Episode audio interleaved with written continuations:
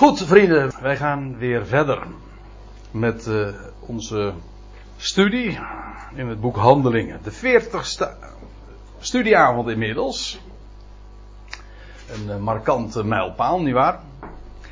En wij zijn inmiddels aangekomen in Handelingen 26. Dat is, in mijn Bijbeltje staat daarboven, Paulus' verantwoording voor Agrippa.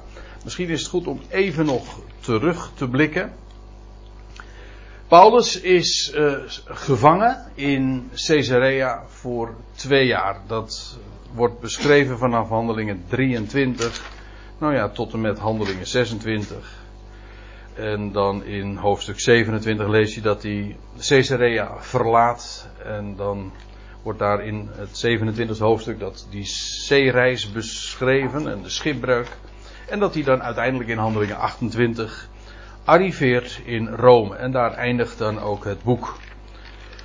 Dus we zijn inmiddels toch wel, als we het zo Paulus voetsporen in het boek Handelingen traceren en nagaan, hebben, zijn we een aardig end op streek, lijkt mij zo. Maar goed, hij is dus gevangen in, uh, in Caesarea voor twee jaar. En dat is, uh, en laat ik me daar dan maar even toe beperken. Dat is typologisch, gewoon zinnenbeeldig een, een ja, een heel markant gegeven. Hij bevindt zich dus aan de zee, want Caesarea is een kustplaats, een hele grote kustplaats zelfs. Uh, het is weliswaar, ja, de naam verwijst naar Caesar, oftewel keizer, oftewel het is een Romeinse stad in het weliswaar uh, Joodse gebied, maar dan toch uh, ja, helemaal karakteristiek deel uitmakend uh, van, van, uh, van dat wat, uh, waar de Romeinen het voor het zeggen hebben. Overigens, het is deze stad ook waar ooit Petrus, dat is handelingen 10, de deur openzette naar de natie. Hij is verder nooit door Caesarea naar de natieën gegaan. Dat Paulus wel. Paulus ging via deze poort. Dat is een aardige, als ik het zo zeg, deze poort. Want Caesarea was inderdaad een poort. Dat wil zeggen een haven. Hè? Porto. Port. Dus, uh, een, een havenstad, dat wil zeggen de, de, de toegang tot de zee. En de zee is in de Bijbel altijd een type van de volkeren. En hier werd de poort, de deur naar de natieën geopend. Alleen dat al is een heel markant gegeven. Het is Paulus die via Caesarea op meer dan één plaats, lees je, inderdaad uh, vervolgens uh, hier ook zijn zendingsreizen aanvangt of dan weer terugkeert. Maar in ieder geval, dit is iedere keer de poort waar hij in en uit gaat. Nou, dat is een markant gegeven aan de zee, een type van de natieën. Hij is in gevangenschap en die boeien van Paulus, het feit dat hij gevangen is, dat is feitelijk niks anders dan een embleem van Israëls afwijzing. Waarom is hij een gevangene? Wel, omdat hij door de Joden, niet door de Romeinen, hij was juist door de Romeinen, werd hij in bescherming genomen. Maar Israël, het Joodse volk, uh, moest niets hebben van het getuigenis. En met name Paulus is dan degene die, uh, nou ja, als hij dan in Jeruzalem arriveert, daar gevangen genomen wordt. En dat is het begin van zijn gevangenschap voor twee jaar. Later lees je weer over een gevangenschap van twee jaar. Dus dat, over die termijn, ja, daar struikel je over. Dat moet dan toch iets te zeggen hebben.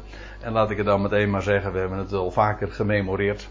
Maar het is een type eigenlijk van de hele periode waarin wij leven, die ook gemarkeerd wordt door twee. Namelijk, of twee dagen, twee millennia.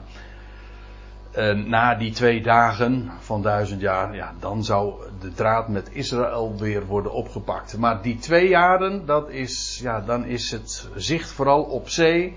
Paulus is gevangen. En ik moet trouwens ook nog aan een andere gevangenschap denken. Ook van twee jaar, van Jozef. Ooit in het boek Genesis, die was ook twee jaar gevangen. U weet wel wat hij toen deed in die gevangenis. Toen ging hij allerlei verborgenheden uitleggen geheimen, dromen die verborgen betekenis hadden. En dat deed hij in die twee jaar. En dan na die twee jaar, dan wordt hij koning. Nou, en dan wordt hij vervolgens ook, uh, krijgt hij de erkenning van, uh, van de zonen van Israël. Als ik het eens even zo zeg. Het huis van Jacob. Nou, dat, dat, dat zijn lijnen die gewoon allemaal uh, evenwijdig aan elkaar lopen, parallel lopen met de grote, uh, heelshistorische lijn. De Messias die vandaag verborgen is, nu vanwege Israëls aanwijzing gaat het heil naar de natieën, maar die termijn loopt inmiddels bijna ten einde. En dan zal inderdaad alsnog het heil weer terugkeren naar Israël en via Israël ook baanbreken, openbaar uh, het hele koninkrijk over de hele wereld. En daar, is, daar spreekt Jozefs koningschap in Egypte dan weer van. De Safnat Paaneach heette die.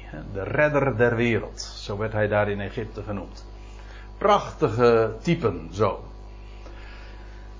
En als Paulus dus daar in uh, Caesarea is, dan is het zo. We hebben in handelingen 23, nee 24 gelezen.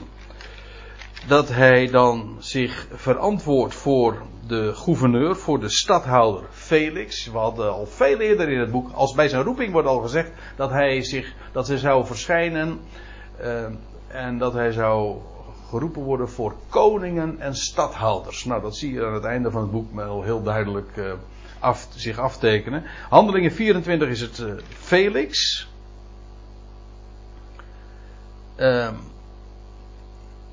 voor wie hij verschijnt, de gouverneur, die wordt dan vervolgens opgevolgd. Terwijl Paulus in gevangenschap achterblijft. Want ja, die Felix die wilde, zijn, uh, wilde de Joden een dienst bewijzen en daarom liet hij uh, Paulus maar gevangen. Ondanks het feit dat hij wist dat hij onschuldig was. Maar om de Joden niet uh, in, tegen de haren in te strijken, heeft hij hem gewoon in gevangenschap achtergelaten. Felix wordt opgevolgd door Festus. Dat hebben we de vorige keer gezien. Toen hebben we. Ja, het hele hoofdstuk geloof ik ja, besproken. Ja, dat is ook zo, want toen hebben we nog uh, spectaculair meters gemaakt. En in Handelingen 25 lees je dus dat Paulus dan voor Festus uh, verschijnt. Maar die zit een beetje met zijn handen in het haar, met die Paulus. Die is daar uh, nog maar net in het zadel eigenlijk. Dat wil zeggen, hij is er nog maar net gouverneur. En om die reden lees je ook dat hij nog een bezoek brengt aan Jeruzalem voor een korte tijd. En besprekingen heeft met Joden daar. Als hij dan vervolgens uh, weer in Caesarea arriveert, terugkomt, dan, dan gaat Paulus zich ook voor hem verantwoorden. Maar het geval wil dat vanwege het feit dat hij daar nu net zijn gouverneurschap is begonnen, dat hij bezoeken krijgt van koning Agrippa. En dat is voor hem dan toch wel een reden om. Om die, die Agrippa daarvan op de hoogte te stellen. Want hij weet, die Agrippa, dat is een kenner van het, uh, van het Joodse volk. En die weet van de hoed en de rand, hij als, als Romein uh, begreep helemaal niet goed hoe de kwestie nu was. En ja, Paulus had zich beroepen op de keizer. Maar ja, dan moest hij toch wel uh, goede papieren hebben. We lezen ook dat, misschien is het goed om dat nog eventjes aan het einde te lezen. Ik heb er geen diaatje van, maar dan staat er. Uh, ja, in vers 23 nog lees je. Toen dan de volgende dag Agrippa en Bernice, dat waren, ik kom daar straks nog eventjes op terug, broer en zus, maar ook man en vrouw, gekomen waren met grote praal en de gehoorzaal waren binnengegaan met de overste en de mannen die de voornaamste der stad waren, werd Paulus op bevel van Festus voorgebracht.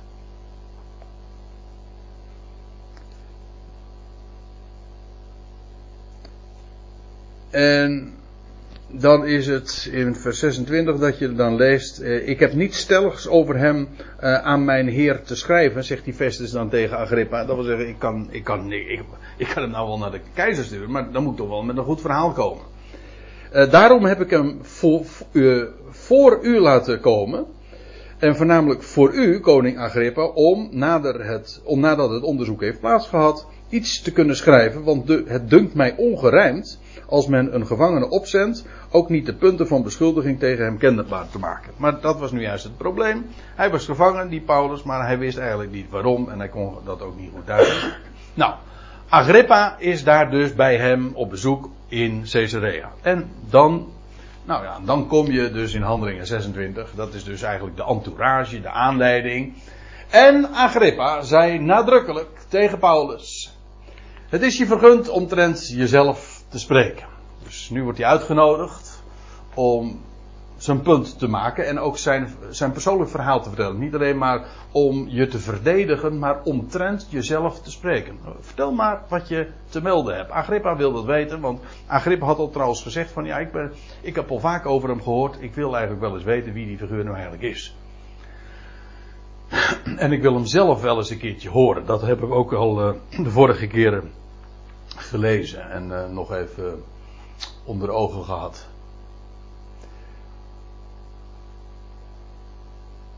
Die Agrippa, uh, daar wil ik dan toch eventjes nog wat over zeggen. Want uh, het is nou al een paar keer ter sprake geweest hoe die familie, nou ja, dat het een, een, een, een, een, familie is, een hele dynastie, een koningshuis, waar die Agrippa dan uit voortkomt. Die ja, een lange tijd, vele decennia geregeerd heeft en een uitgebreide, vertakte familie ook is. ook met vele intriges. Uh, als, je, als je een klein beetje je bezig gaat houden met de geschiedenis van die, van die Herodese familie, de een naar de ander wordt omgebracht. Die Herodes, de grote bijvoorbeeld, de, de echte, nou ja, de echte, de, de grote, de eerste. De eerste Herodes die we tegenkomen, die heet dan ook Herodes de Grote. Dat is die van uh, Matthäus 1, Lucas 1, uh, die bij de geboorte van de Heer Jezus. Hij is net na de geboorte van de Heer Jezus is hij overleden. En hij, is, hij heeft tientallen jaren geregeerd. Hij heeft ook, moet ik, dat moet eerlijkheidshalve er ook bij gezegd worden. Hij heeft heel veel betekend voor uh, het Joodse volk. Hij, heeft ook, hij is ook degene die de tempel, die eigenlijk maar een tamelijk armzalig gebouw was in die, voor die tijd. Nadat de Joden waren teruggekeerd, het ballingschap, was de tempel eigenlijk ja, een bouwval ten opzichte van wat het ooit was in de dagen van Salomo. Dat was een, een kolossaal gebouw toen. Maar toen eh, na de ballingschap hebben ze een gebouw weer opgetrokken. Maar dat haalde niet bij wat het ooit was. Het is in de dagen van Herodes de Grote. Uh, dat is inmiddels dus eeuwen later. Die de tempel enorm uitgebreid en verfraaid heeft. En die daar ook uh, tientallen jaren over gedaan heeft. 46 jaar deze. Staat ook in Handelingen 2. Eh, nee, in uh, Johannes 2. Je leest dan dat, uh, dat ze zeggen van. Over deze tempel is 46 jaar gedaan. Denkt gij nu de tempel in twee of drie dagen te, te, herbouwen? Toen begrepen ze het ook al niet helemaal. Nou, zo. Maar dus in een kleine 50 jaar is er gewerkt aan die tempel. En dat is een gigantisch bouwwerk geweest. Vergis u niet, die tempel in de dagen van van, van de eerste eeuw is onder leiding van Herodes de Grote inderdaad tot de grote luister verheven. Vandaar ook dat het wel genoemd wordt de tempel van Herodes. Die Herodes die heeft uh, vier, vijf vrouwen gehad. Achtereenvolgens. De diverse heeft hij trouwens ook laten ombrengen. Dat deed hij trouwens met diverse kinderen ook als, die, als ze lastig werden. Ja, zo pak je dat aan, hè, als, je, als je de macht hebt. en, nou, laten we eens eventjes uh, ze noemen. Aristobulus. Daar, zijn naam komen we in de Bijbel niet tegen. Nou, nee, is niet helemaal waar. Zijn naam komen we wel tegen, maar dat is een heel ander figuur. Dus uh, er is wel iemand die Aristobulus heette, maar dat was niet deze. Uh, ik kom straks nog even op hem terug, want hij is uiteindelijk via deze tak komt ook, komen we uiteindelijk ook bij de Agrippa's uit. Maar dan heb je ook nog Archelaeus. Zijn naam komen we in Matthäus 2, vers 22 tegen. Makkelijk te onthouden. Als, uh, als Herodes de Grote is overleden, dan lees je dat Archelaeus de macht in Judea overneemt. En, dan, en dat is trouwens op dat moment voor Jozef en Maria ook de aanleiding om weer terug te keren uit Egypte. Ze waren gevlucht naar Egypte en als ze dan horen dat Herodes de Grote overleden is, en Archelaeus de, de vorst is geworden, dan, dan keren ze weer terug. Vestigen ze in Nazareth. Ook daar kom ik straks nog even op terug. Maar dat was ook een van de zonen. Was, uh, ja, goh, ik heb de, vrouwen maar, uh, de namen van de vrouwen er maar niet bij gehaald, omdat ze in, in de Bijbel ook niet worden vermeld trouwens. Tenminste, van deze dames met wie Herodes de Grote getrouwd is geweest, niet. Dit was dus een van de zonen. Een andere zoon, dat is een, eh, een, eh, ook een beroemde. Herodes Antipas. Antipater.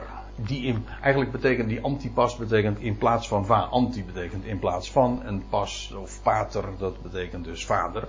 Dus in plaats van. Hij, hij nam de, het stokje over, zeg maar, van zijn vader. Uh, hij is de Herodes die veruit eigenlijk het bekendst is, omdat in de Evangelie, omdat in zijn jaren, in zijn tijdens zijn regime, ook de geschiedenis plaatsvindt van het publieke optreden van Johannes de Doper. En die heeft het geweten, want die werd gevangen genomen en onthoofd. Dat is allemaal onder leiding van deze Herodes Antipas geweest. Ja, over dat hoofd van Herodes, uh, of van, uh, van Johannes de Doper, daar, daar, wil ik het zo nog even over hebben, want dat was all in the family hoor. Daar had je er trouwens nog één, en dat was een Philippus, en die wordt genoemd de Viervorst. En die naam komen we ook tegen in Lucas 3 en Matthäus 14. Ik heb maar even de teksten erbij genoemd. Ik geloof niet eens dat ik helemaal volledig ben, maar de belangrijkste vermeldingen. In ieder geval, dit zijn dus vier zonen. Ik geloof dat hij, hij nog wel meer kinderen gekregen, maar dit is even van belang voor, voor het verstaan van de lijn. En vooral om de Bijbelse personages allemaal te kunnen plaatsen. Deze Aristobulus, die heeft, kreeg twee kinderen, tenminste waarvan we de naam vinden in de Bijbel. En de eerste is, aha, Agrippa. Maar Agrippa, de eerste. En hij is de Agrippa die, de, die Jacobus in Handelingen 12 gevangen laat nemen en zelfs ook laat ombrengen. Dus dat lees die geschiedenis lees je in Handelingen 12. Je leest trouwens ook in Handelingen 12 hoe die man aan zijn eind komt. Namelijk als die bij een publiek optreden ineens zo in elkaar zakt en door een worm wordt aangevreten. Volgens mij hebben we de vorige keer nog eventjes erover gehad. Dat is deze Agrippa. Dat, dus, dat was dus een kleinzoon van Herodes de Grote. Uh, die Agrippa had een zus, en nou, dat was een fake hoor, van een mens. Uh, Herodias. En, ja, dat is een raar vraag. Die naam komen we ook tegen, Herodias. Dus eigenlijk, uh, dat is de vrouwelijke vorm van, van Herodes. Eigenlijk Herodes is een achternaam, zo moet je het zien. Onder, al die Herodes Agrippa de eerste. Maar Herodes is eigenlijk de, de familienaam, de naam ook van de dynastie. Ze komen trouwens uit de lijn van Edom. Van Esau. Ze waren geen. Um, het waren dus niet, strikt genomen geen Joden. Deze Herodias, uh, dat was de vrouw van. Uh, ja, dat was dus eigenlijk van, de vrouw van zijn oom. De, de vrouw van haar oom. Uh, zeg je nou goed? Zij was de, de echtgenote van, van, van de oom, van ome, ome Antipas. Maar eh, al eerder van Filippus. Een andere oom dus. Uh, hoe het precies gegaan, weet ik even niet meer uit het hoofd. Ik heb het gelezen, maar ik weet even niet meer hoe het ging. Maar ik geloof dat het in omgekeerde volgorde, was. Maar deze Herodias, haar naam wordt dan opgevoerd uh, in verband met de geschiedenis van Johannes de Doper. Als die wordt uh, omgebracht. Want u kent dat feest, hoe dat zo gegaan was. En dat die Herodias, die had het totaal niet op deze, op die Johannes de Doper.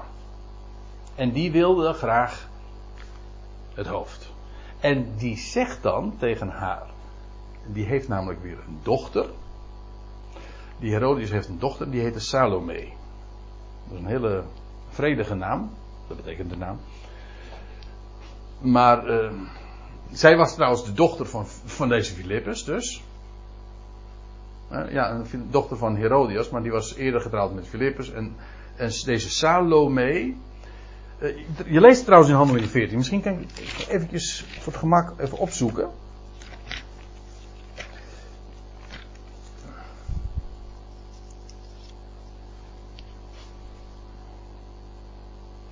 Uh, ja, nou, ik lees het even voor. Ik lees het even snel voor. In de tijd, handelingen 14, hoorde Herodes, de viervorst, wat van Jezus verteld werd. En hij zei tot zijn dienaars, dat is uh, Johannes de Doper. Hij is opgewekt uit de doden. En daarom uh, werken die krachten in hem. Vreemde conclusie hoe hij dat heeft kunnen. bizar.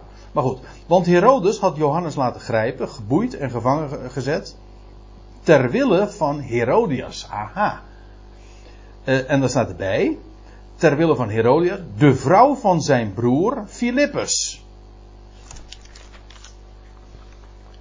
Uh, ja, dat is dus deze Herodes Antipas. Die, had, die heeft Herodes laten gevangen eh, zetten. Waarom? Vanwege de, zijn schoonzus dus eigenlijk. Namelijk Herodias. Dat tevens zijn tante zeggen was. bent u er nog? ja, het is ingewikkeld. Ja, Herodes niet bedoelde Johan. Zei ik dat? Ja, hij had Herodes gevangen laten nemen. Oh ja, ja, ja, Johannes. Ja, neem ik wel. Ja, dat, uh, al die namen door elkaar. Ja, dat is eigenlijk. Ik, uh, ik, kan, uh, ik kan soms mijn eigen kinderen niet aan elkaar houden. Dus, en dan zit ik zo. De hele familie zit ik. Maar er staat er dus. Um, want Herodes had Johannes laten grijpen, geboeid en gevangen gezet. Ter wille van Herodias, de vrouw van zijn broer Filippus. Want Johannes zei tot hem: Je, mag, je mag haar niet hebben. Ja, dat was het punt. Zo, oh, nou, nou weet ik het ook weer. Zo, zo was het. Want die Herodes, die had de vrouw van zijn broer gescoord. Dus uh, dat was dus gewoon uh, pure echtbreuk. Het was helemaal niet zijn vrouw, het was de vrouw van zijn broer. Maar goed, uh, hij was dus verliefd geworden op zijn, op zijn schoonzus. En dan lees je. Johannes de Doper had daarvan gezegd: dat is helemaal niet juist wat je doet. En hoewel hij hem, ter hem wilde ter dood brengen, vreesde hij de schade omdat zij hem voor een profeet hielden. Dus het was angst dat deze Herodes Antipas die uh, Johannes de Doper niet doodde. Waarom?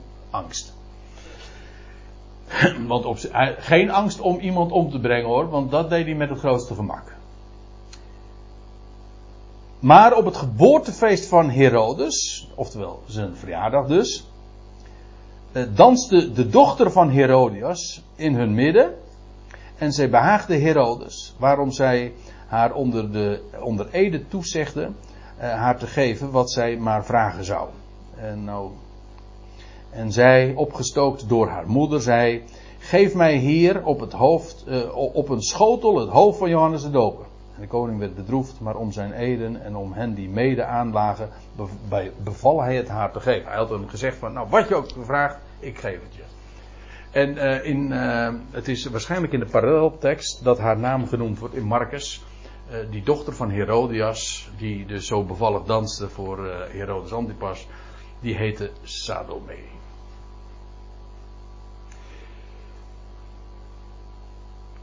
Dan hebben we nog een lijn, want die Agrippa, die had vervolgens, die had, uh, waar ik het zojuist over had, die dus overleed, zo aan publiek, toen die werd uh, door een worm, had uh, drie kinderen. Te weten, Agrippa, die dus dezelfde naam droeg als zijn vader, maar Agrippa vandaar dus de tweede, zo noemen we hem voor het gemak dan maar even. En dat is de Agrippa dus waar we vanavond het over hebben. Die Agrippa. Dat is dus een, als je het dus even juist zegt, dat was dus een achterkleinzoon van die Herodes de Grote, die ooit verantwoordelijk was voor de kindermoord. Uh, hij had nog uh, twee zussen ook, die Agrippa. En dat is Bernice, maar die zijn we ook al tegengekomen. Uh, want dat was niet alleen zijn zus, maar het was ook nog eens een keer zijn vrouw. Ja. Ja, incestueuze relatie. En dan had hij. Hè? Ja, in die, uh, vooral in de dynastie. Maar dat is trouwens uh, tot uh, betrekkelijk kort geleden. Was dat in, juist in koningshuizen. Was het altijd. was er heel veel inteelt. Want ja, dat moest allemaal op, op niveau trouwen. En, maar goed. Agrippa en Bernice. Broer en zus en man en vrouw. En dan hadden ze nog een zus, Drusilla, maar die zijn we ook tegengekomen. Want dat was namelijk de vrouw van die Felix, weet u wel, die eerdere stadhouder, die, uh, die dus uh, plaats moest maken voor Festus. Ik, ik, hoop dat u het allemaal nog een beetje hebt. Daar, ik heb het expres eventjes een beetje in schema gezet. Zodat je een klein beetje ziet van, oh wacht even, zo zit dat dus. Maar ik geef toe, het is een wat ingewikkelde familieverhouding. Als je het allemaal op een rijtje zet. Spreekwoord in die tijd, dus die kon beter varken van Herodes te groter zijn dan zijn zoon. Oh ja? Dat is een echte uitspraak. tijd. Dat vermeldt Flavius Ah. Oké. Ja. Dat betekent dus dat ze, dat, de, dat ze niet een al te beste reputatie hadden. Nou begreep ik dus dat die Agrippa de tweede eh, in ieder geval wel te boek stond als iemand. Nou ja, dat zullen we, dat zullen we nu vanavond nog wel zien, maar ook. eh, we hebben het eigenlijk de vorige keer ook al eh, gememoreerd. Hij was een groot kenner eh, van het Jodendom. Dus het is niet alleen maar kommer en kwel. Maar met zijn personage hebben we dus vanavond van doen. Dus als Paulus voor Herodes staat, dan is het deze Agrippa. Maar je ziet dus dat, dat, eh, eh, ja, dat je diverse lijnen, verschillende geslachten, generaties in het Nieuwe Testament allemaal tegenkomt. Te beginnen bij de geboorte van de Heer Jezus. Nou, 30 jaar later, als de Heer dan optreedt, dan vervolgens de handelingenperiode, krijg je Agrippa de eerste en Agrippa de tweede. Eigenlijk zijn dit vooral de, de, de lijnen. Herodes Antipas, dan krijg je Agrippa de eerste en Agrippa de tweede. Maar ook die anderen hebben in de familie eh, je, een, nogal eh, prominente rol hoor. In de, ook in de politiek, want ja, u weet hoe dat gaat in de politiek. Je, als je dicht bij het vuur zit, dan worden je makkelijk baantjes allemaal vergeven. En dan eh, bijvoorbeeld, je had ook nog deze, je hebt ook nog een Philippus Tweede. En die hadden we dan weer, die was dan weer viervorst over een ander gebied, daar ook in het noorden. Afijn, ze hebben, ze hebben heel wat, die hele familie, ook als ze niet uh, directe erfgenamen waren, of in ieder geval niet die, de directe lijn uh, volgden, zoals deze Agrippa II en koning van de Joden was, dan nog hadden ze vaak een hele belangrijke functie in de politiek. Nou, dat was dus eventjes uh, een kort overzicht zo over die, uh, die familie Herodes. En daar staat Paulus dus voor. En dan neemt hij het woord en zegt tegen Paulus: Het is je vergund omtrent jezelf te spreken. En toen strekte Paulus de hand en verdedigde zich. Het is niet helemaal duidelijk uh, wat dat betekent. Strekte hij de hand uh, als groet? Of uh, als een gebaar tot stilte? Je leest dat eerder, geloof ik, dat in Handelingen 22, dat Paulus gebaarde de menigte te zwijgen. Dat lijkt mij hier niet zozeer de gedachte. In ieder geval, hij strekte de hand en je ziet het. Uh, Lu het heeft er alles van weg dat Lucas hier zelf ook bij uh, aanwezig is geweest. Het feit dat hij zulke dingen, zulke details uh, vermeldt, dat betekent dat je een ooggetuige bent. Anders vermeld je dat niet. Dan kun je misschien sumier vertellen wat, wat er zo gezegd is. Maar dat, dat soort details van dat hij toen op dat moment dat hij gevraagd werd te spreken, dat hij zijn hand strekte, dat is typisch zo'n detail die dat aangeeft. Hé, hey, daar is iemand aan het woord die daar zelf was. En hij verdedigde zich. In het Grieks staat hier een, een woord dat we herkennen in ons woordje apologetiek. Ja, dat is een hele mond vol. En ik neem u helemaal niks kwalijk als u dat uh, nooit uh, daarvan gehoord hebt. Maar het lijkt me sterk. Want het, het is ook een theologisch vak. Hè? Het is een uh, apologetiek. Dat, dat het woord zelf betekent, dat blijkt hier ook, het is verdedigen. Je, in de MBG-vertaling staat trouwens, hij verantwoordde zich. En dat is precies wat apologetiek ook is. Het is, ja, nu moest Paulus zich gaan verantwoorden. Ik uh, spreek zelf heel vaak over uh, de bonnetjes erbij leveren. Gewoon, wat is, nou aan de, wat is er aan de hand? Wat heb je ter verdediging nou te melden? Ook tegenover trouwens de aanklacht. Hè? Ik bedoel, je verdedigt je als je wordt aangevallen. Nou, er, dat was hier in de context. Paulus, dat was een enorme aanklacht. En Paulus heeft zich al uh, nou ja, voor Felix en voor Festus verdedigd. Deed niet anders dan zich te verdedigen. Maar nu ook inhoudelijk. En dat gaat Paulus doen. Hij verdedigde zich. Eigenlijk wat hij doet, is niet zozeer dan uh, ja, een betogen bouwen. Wat, wat Paulus hier doet, is niks anders dan optreden als een ooggetuige. Zoals je dat voor de rechtbank doet. Dus hij, het is niet zozeer een, hij, dat hij een visie had en dat hij die visie ging verdedigen. Nee, hij vertelt gewoon wat hij, wie hij is, wat hij heeft meegemaakt, wat zij konden controleren en wat er gebeurd is. Gewoon waar hij zelf bij was.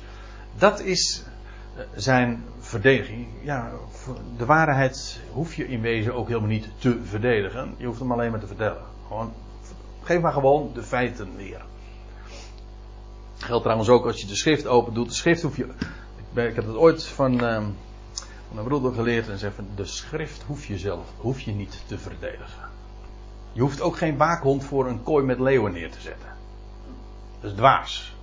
Laat de leeuw maar los. Hè? Met dank aan een, een tv-programma geloof ik. Laat, laat die leeuw maar los. Die, of, of in ieder geval, die hoeft geen verdediging. Dus, dus het is eigenlijk heel raar dat jij als mens uh, gaat, gaat, gaat, gaat blaffen. Hè? Want dat is wat je dan doet. Als je, als je de Bijbel gaat verdedigen, ga je blaffen terwijl dit een leeuw is. Wat is dat?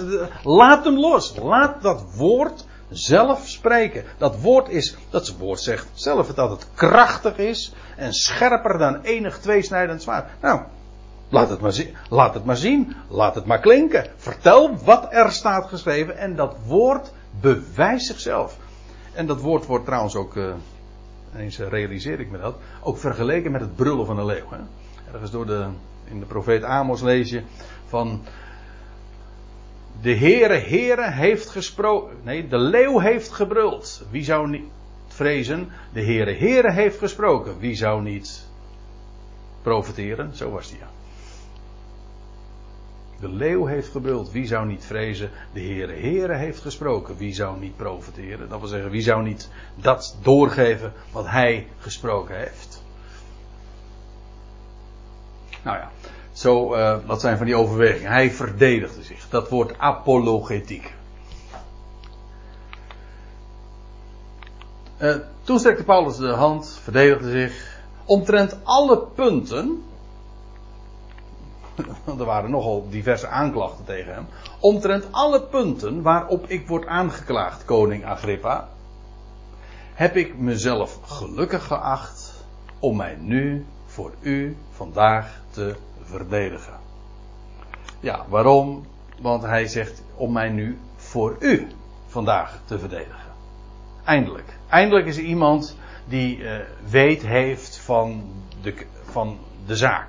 Die uh, niet zoals zijn, uh, bij zijn vorige gaande verdedigingen voor Felix en voor Festus. Toen praatte hij iedere keer met een buitenstaander. Eigenlijk mensen die van toeten opblazen wisten. Maar nu is hij met iemand, of mag hij spreken. Want hoewel daar een heel gezelschap, ik las het zojuist voor, hè, die hele gehoorzaal, die hele audiëntiezaal was ja, gevuld met allemaal voorname mensen. Maar Paulus richt het woord tot Agrippa. Al die anderen mogen meeluisteren, maar hij richt, richt zich tot Agrippa. Dus zo zegt hij. Ik heb mezelf, hij zegt, ik heb mezelf gelukkig geacht om mij nu voor u vandaag te verdedigen. Eh, dus in het voorgaande hadden we al gelezen, daarom leidde ik, had Festus gezegd, hem aan jullie voor. En vooral aan u, koning Agrippa, zodat gaande het vragend onderzoek ik iets zou hebben om te schrijven. Dat is wat Festus daar had gezegd. Dus ook Festus had hem juist ook Paulus laten opdraven, uh, vooral vanwege koning Agrippa. En nou zegt Paulus dat ook. Hij zegt, ik, uh, ik acht mezelf gelukkig om dat nu voor u te mogen doen. Dus ook, uh, als u mij vraagt, is het verreweg het, het meest belangwekkende betoog. Paulus gaat veel dieper dan in, in, bij zijn verdedigingen in handelingen 23 of 24 en 25. Toen voor Felix en Festus. Toen ging hij vooral in op de, beschuldigingen.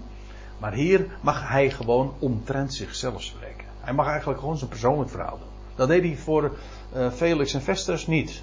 Toen moest hij zich echt verdedigen tegen een aanklacht. Dat is een heel verschil. Of je in een rechtszaal zit en je krijgt een aanklacht en je moet gewoon ter zake op de, op de punten ingaan en dat weer reggen. Nou, heeft hij gedaan. Maar nu wordt, is die, wordt hij uitgenodigd, eigenlijk veel uitgebreider, want Agrippa wilde weten, wie heb ik nou eigenlijk voor me? Even los van alle beschuldigingen, maar wie is die Paulus nou eigenlijk? Nou, en nou zegt Agrippa, het is je vergund omtrent jezelf te spreken. Paulus mocht nu gewoon vertellen, ja, nou, dit ben ik. Hij, eerst zegt hij dan nog, of geeft hij aan, waarom hij dan vooral uh, zo gelukkig is dat hij dat tegen Agrippa mag zeggen. Maar dan zegt hij, vooral omdat u een kenner bent van al de gebruiken en ook de vraagstukken van de Joden. Kijk, dat is nou het verschil tussen Felix en Festus, die andere gouverneurs, en Agrippa. Leuk trouwens, uh, wil ik ook even op wijzen. Ik uh, vind het altijd leuk om, uh, of ja, leuk en veel meer dan dat, nuttig om te wijzen op de oorspronkelijke woorden. Maar hier staat in het Grieks het woordje ethos. Heeft niks met een drogisterij te maken. Maar dat is, we herkennen het woord wel, namelijk van ethiek. Ethiek, dit woord, het Griekse woord ethos, of vervoegingen ervan, meervoud enzovoort. Dan komen we nog eens een keertje tegen. En het gaat altijd over gebruiken. De gebruiken, dat wil zeggen de gewoonten uh, van een bepaald volk.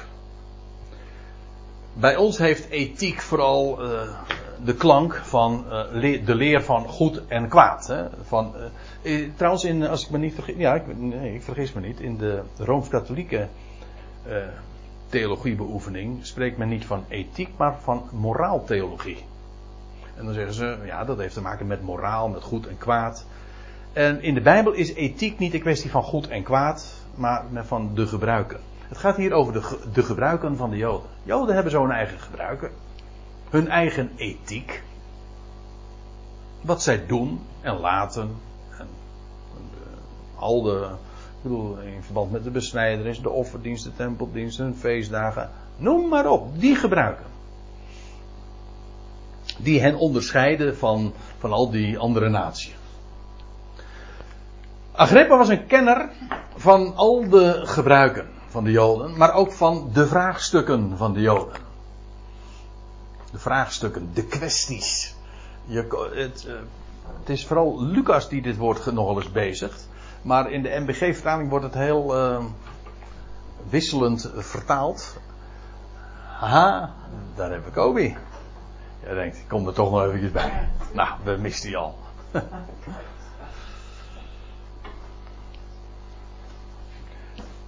Ik vind het een beetje vreemd om je nou welkom te heten in je eigen huis. welkom bij de, bij de studie. Ja, bij de studie, dat kan ik wel zeggen, ja. Maar in de NBG-vertaling wordt het uh, woord nogal uh, discordant, dat wil zeggen gevarieerd weergegeven. Want in Handelingen 18 wordt het vertaald met geschillen, in de NBG dus. Uh, in hoofdstuk 25 met twistpunten. En in hoofdstuk 23 met vragen. Nou, dat, dat maakt het allemaal niet makkelijk op om, om zo'n zo'n zo'n specifiek woord dan vervolgens weer terug te vinden. Daarom wijs ik u erop. Het zijn gewoon de vraagstukken, de kwesties. Ja. En die kwesties, dat dat inderdaad ook twistpunten zijn en geschillen, ja natuurlijk. Dat is altijd met kwesties zo. Hè? Paul Agrippa was een kenner daarvan. En nou zegt hij, en omdat u daar een kenner van bent, daar om die reden smeek ik u mij nu geduldig aan te horen. Heel bescheiden. Uh, geeft Paulus de credits ook aan deze koning. Hij geeft hem, ja, bedoel, we hadden het al over hoe, uh, hoe kwalijk het allemaal gesteld was met die familie. Maar daar, daar heeft Paulus niet over. Dat was zijn zaak ook niet. En nu heel bescheiden en nederig vraagt hij om zijn verhaal te mogen doen en dat ze hem geduldig aanhoren. En dan begint hij van jongs af aan al. En dan zegt hij: Mijn levensloop, mijn bioszin, biozin, dat is eigenlijk mijn bios. Eh, Wij zeggen, wij zeggen dat trouwens ook, hè? Bi- mijn bio, mijn, iemands bio, iemands biografie of iemands levensloop. Mijn levensloop dan vanaf mijn jeugd. Vanaf mijn, van jongs af aan. Eh, we hebben daar al een keertje eerder bij stilgestaan. Dat was een paar hoofdstukken eerder. Namelijk in handelingen 22. Dat als Paulus daar op het tempel, bij het tempelplein is. Dan mag hij ook. eh, gaat hij ook zich verantwoorden. Dat was een veel groter gezelschap. En in een zeer agressieve context. Maar dan vertelt hij ook eh, iets over zijn jeugd. We weten eigenlijk niet zo gek veel daarover hoor. Volgens mij hebben we dat er toen ook al over gehad. We weten niet zoveel van Paulus' jeugd. We kennen geen enkele naam uit zijn familie. Althans, eh, we weten niet meer. Voor zover we namen. eh, er worden wel namen in de Romeinenbrief gekoppeld en zeggen ze, ja, misschien is dat een familielid van hem geweest. Maar directe familieleden vind je hun naam niet. We weten dat hij een zuster had en dat hij ook weer een zoon had. Toch? Die neef. Die neef, dat neefje van hem, ja. Die had nog wel een belangrijke rol gespeeld in het feit dat hij in Caesarea überhaupt terechtgekomen is. Maar over de namen eh, van zijn vader en moeder weten we niks. Maar we weten wel eh, dat hij vanaf het begin ook eh, in een Joodse context heeft geleefd. Want dat zegt hij ook. Mijn levensloop dan af- vanaf mijn jeugd, die van begin af aan onder mijn natie en ook in Jeruzalem was. En ook in Jeruzalem was. Degenen die nu een statenvertaling hebben en meelezen, die merken iets op. Een verschil. En dat maakt nou, is net een, eh, toch een, ja, wel belangwekkend verschil. Want in de statenvertaling ontbreekt dit woordje ook. Dan krijg je namelijk een andere zin. Ik zal hem even voorlezen. Eh, dit trouwens heeft niks te maken met vertaling. Dit heeft te maken met de, type grondtekst. De tekst tussen receptus, de, oude- de, de grondtekst waar de statenvertaling op gebaseerd is. Die heeft, eh, nou, inmiddels is de kennis van de grondtekst nog veel groter. En, eh, dus ik denk ook dat deze tekst gewoon niet juist is. Maar, of in ieder geval dat we inmiddels eh, hebben we een woordje weer teruggevonden.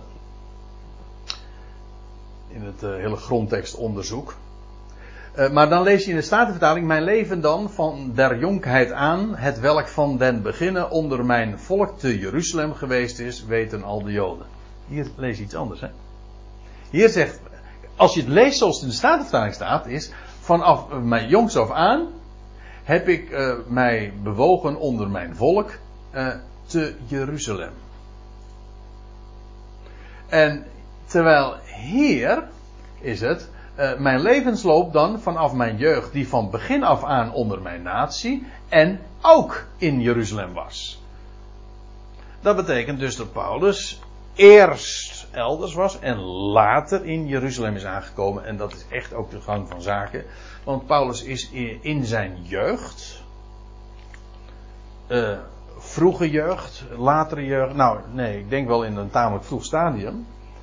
En met of zonder ouders weten we ook nog niet geëmigreerd van Tarsus naar Jeruzalem. Dat is een ding wat zeker is. Hij woonde in Tarsus, daar is. Nou, laten we het even lezen, want in Handelingen 22 had hij dit gezegd. Hij zegt: Ik, ik ben een Joods man. Geboren in Tarsus, van het Cilicië, weet u wel, Zuid-Turkije zeg maar. Maar, zegt hij, grootgebracht in deze stad. Waarom? En zonder ouder, weten we niet. En vanaf welke tijd dan? Hij is geboren en heeft hij de eerste jaren nog in Tarsus gewoond en dat hij zeg maar al in zijn uh, of al voor zijn tienerjaren geëmigreerd is naar Jeruzalem. We weten niet. Maar dit weten we wel, hij is geboren in Tarsus en getogen, groter geworden, grootgebracht in deze stad. En dan zegt hij ook aan de voeten van Gamaliel. Opgeleid naar stiptheid van de, van de van de vaderen geërfde wet. Een ijveraar zijnde van de God, zoals jullie vandaag zijn. Nou, dit had hij in Handelingen 22 gezegd. Dus hij zegt daarmee, hij zegt ik ben vanaf jongs af aan al uh, beweeg ik mij al onder het Joodse volk en, en ook te Jeruzalem. En dat weet. En dan staat er, zij. dan wacht even Mijn levensloop van, van mijn jeugd af aan, die van begin af onder mijn natie was. En ook, en ook in Jeruzalem was, hebben alle Joden waargenomen. Ze iedereen weet dat. Ze kunnen, en dan, staat, hij, dan zegt hij erbij. Zij kenden mij tevoren, van vroeger. Voor zover zij dat willen getuigen. Hij zegt, ik sta er niet voor in, dus eh, dat ze dat willen toegeven. Maar ze weten allemaal dat voordat ik geroepen werd, voordat ik van die secte van de Nazarener werd, was, of eh, ja, werd, eh, dan kenden ze mij. Hij was, hij.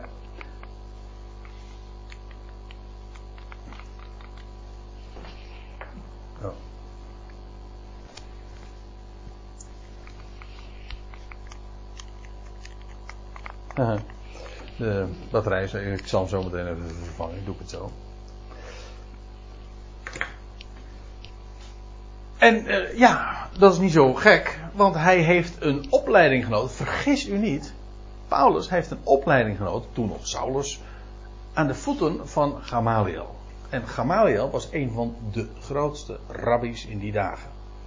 Zelfs nog een kleinzoon van ooit van Hillel, en dat was helemaal een, een, een grootheid. En dus ja, Paulus, hij zegt ook in, eh, in de gelaten brief, hij zegt, ik heb het eh, in het Jodendom verder gebracht dan vele van mijn leeftijdsgenoten. Hij was een, een buitengewoon eh, begaafde student.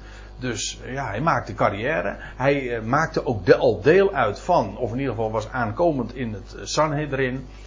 En ja, was gewoon, hij had ook contact, dat zullen we straks ook zien, met de hoge priesters. Dus het was een man ja, die zich bewoog in de hoogste kringen. Hij zegt, ze kenden mij van tevoren. Van vroeger, voor zover zij dat willen getuigen. Dat naar de meest nauwgezette partij van onze godsdienst.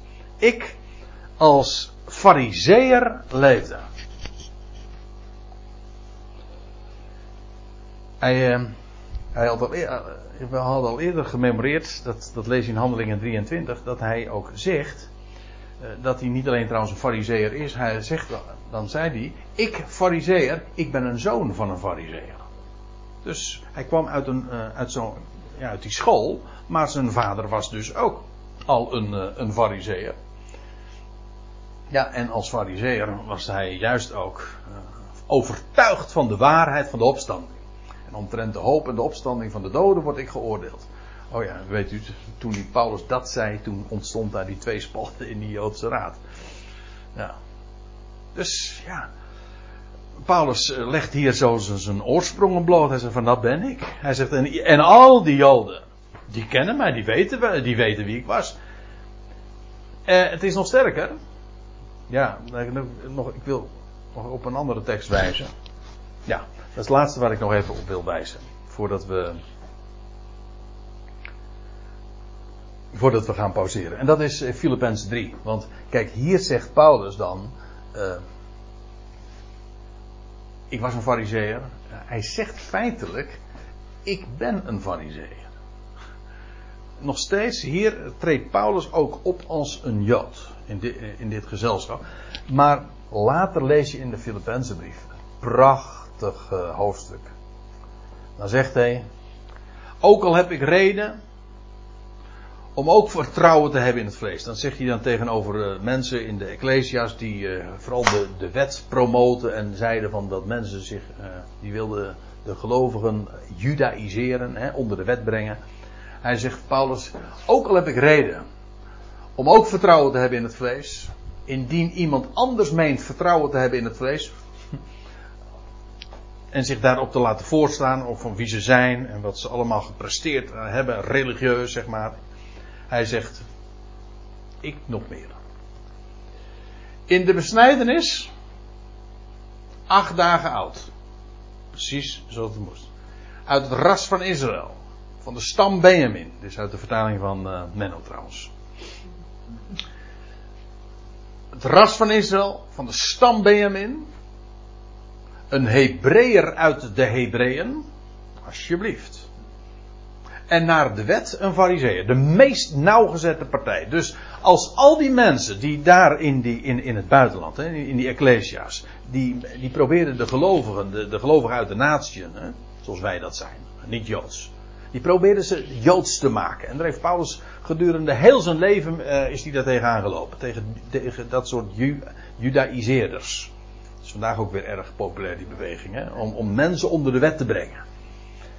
En de Joodse gebruiken enzovoorts te introduceren. En Paulus zegt, dat is allemaal vertrouwen op vlees. Hij zegt, alsof ik dat niet ken. Hij, ik heb het allemaal achter me. Hij zegt, want hij zegt, ik was besneden acht op de achtste dag, het ras van Israël, van de stam Benjamin, Hebreeër uit de Breeën, naar de wet en Fariseer. Hij zegt, als, als het gaat om geestdrift, een vervolger van de uitgeroepen vergadering van de gemeente, de Ecclesia. Hij zegt, en naar de rechtvaardigheid die in de wet is, onberispelijk. Dus als het ging om zijn wet, zijn wetsbeleving en het onderhouden daarvan, er was niets op mij aan te merken. Moet, als ik deze tekst lees, moet ik altijd denken aan die tekst uit de, uit de catechismus. Is dat? Ja, dat is een catechismusvraag, ja. Waaruit kent gij uw ellende? En dan is het antwoord. Nee, weet het niet. Weten jullie dat niet? Ik praat hier voor, voor als ik zo goed kijk, dan zeggen we allemaal mensen met een Calvinistische achtergrond. Nee, nee, dat is niet zondag heen. Dat is eh, eh, wel een van de eerste zondagen. Moet het dat gaat het, want u weet het, hè? de catechismus is onderverdeeld in ellende, verlossing, dankbaarheid. Precies. Waaruit kent gij uw ellende? Het antwoord uit de wet Gods. En dan moet ik denken, als je deze vraag aan Paulus had gesteld, waaruit kent gij uw ellende? Had hij niet gezegd uit de wet Gods. Nee, hij zegt, eh, als het er helemaal om gaat, naar de wet en al die dingen. Hij zegt, ik heb daar, ik, daar kan ik vertrouwen op hebben. Hij zegt, naar de rechtvaardigheid die in de wet is, onberispelijk. En dan zegt hij, ja, hij gaat nog verder hoor, maar, maar alles wat voor mij winst was, dit. Heb ik omwille van Christus verbeurd geacht. Schade geacht. Waardeloos. Hè? Hij gaat nog verder, dat heb ik nu niet op die dia staan. Ik acht het zelfs voor schade en drek. Omdat het. Weet u wel, hoe Paulus trouwens zijn ellende leren kennen? Niet door de wet hoor. Hij is toen hij in het licht kwam te staan van Christus. Toen leerde hij zien wat, hoe waardeloos dit alles is. Dat is het grote verschil. In het licht van hem leerde hij zien wie hij werkelijk was. Zijn Paulus Fariseërs achtergrond. Nou, dat heeft Paulus gezegd en dan gaat hij verder over de hoop. Maar ik zie dat het inmiddels negen uur is, dus ik stel voor dat we eerst even gaan pauzeren.